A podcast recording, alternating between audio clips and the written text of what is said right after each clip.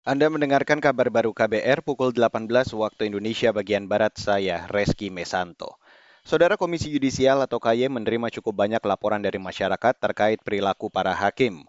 Menurut Ketua Komisi Yudisial Mukti Fajar Nur Dewata, semua laporan dari masyarakat diterima sebagai laporan awal. Selanjutnya masih banyak proses yang harus dilakukan untuk menindaklanjuti laporan tadi.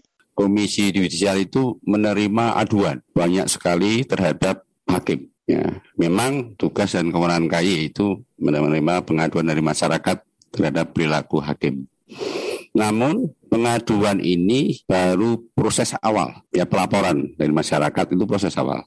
Masih perlu dilakukan tindakan apa proses-proses selanjutnya, ya eh, pengumpulan berkas-berkas, bukti, kemudian klarifikasi, kemudian sampai panel dan akhirnya pleno sampai penjatuhan sanksi. Mukti Fajar menambahkan, KY selalu menyurvei integritas hakim secara tahunan. Hasil survei itu diklaim selalu menunjukkan grafik peningkatan atas integritas para hakim. Siang tadi, Komisi Yudisial menggelar jumpa pers pasca dugaan keterlibatan Hakim Mahkamah Agung Sudrajat Dimyati terkait kasus korupsi.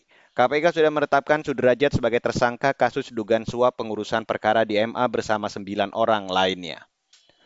Beralih ke berita selanjutnya, Saudara, pemerintah bertekad meningkatkan jumlah wirausahawan baru, itu lantaran Indonesia tertinggal dalam mencetak wirausahawan dibandingkan negara-negara lain.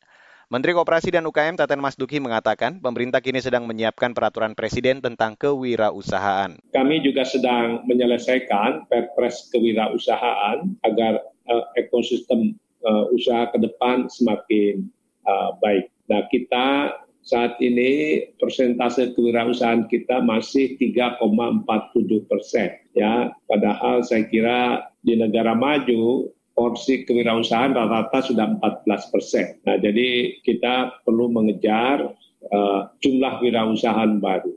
Menteri Koperasi dan UKM Teten Masduki menambahkan, dari total 64 juta pelaku UMKM di Indonesia ini, hanya ada 3 persen saja yang sudah masuk kategori wirausahawan. Angka ini menandakan struktur ekonomi Indonesia masih didominasi sektor yang kurang produktif. Karena itu perlu pendampingan agar UMKM mampu tumbuh dan berkembang. Saudara pelatih timnas Indonesia Sintayong mengatakan laga FIFA Matchday melawan timnas Korakau bisa menjadi ajang meningkatkan performa skuad Garuda. Menurutnya, Korakau merupakan tim yang memiliki peringkat FIFA jauh di atas timnas Indonesia. Saat ini peringkat timnas Indonesia berada di posisi ke-155, sedangkan timnas Kurakau di peringkat ke-84. Sementara itu, back timnas Indonesia Fahrudin Aryanto mengatakan timnas Kurakau lebih kuat karena dihuni sejumlah pemain dari klub-klub Liga-Liga Eropa. Indonesia bakal dua kali menghadapi Kuarakau, yakni pada Sabtu besok di Stadion Gelora Bandung Lautan Api dan Selasa pekan depan di Stadion Pakansari Bogor, Jawa Barat.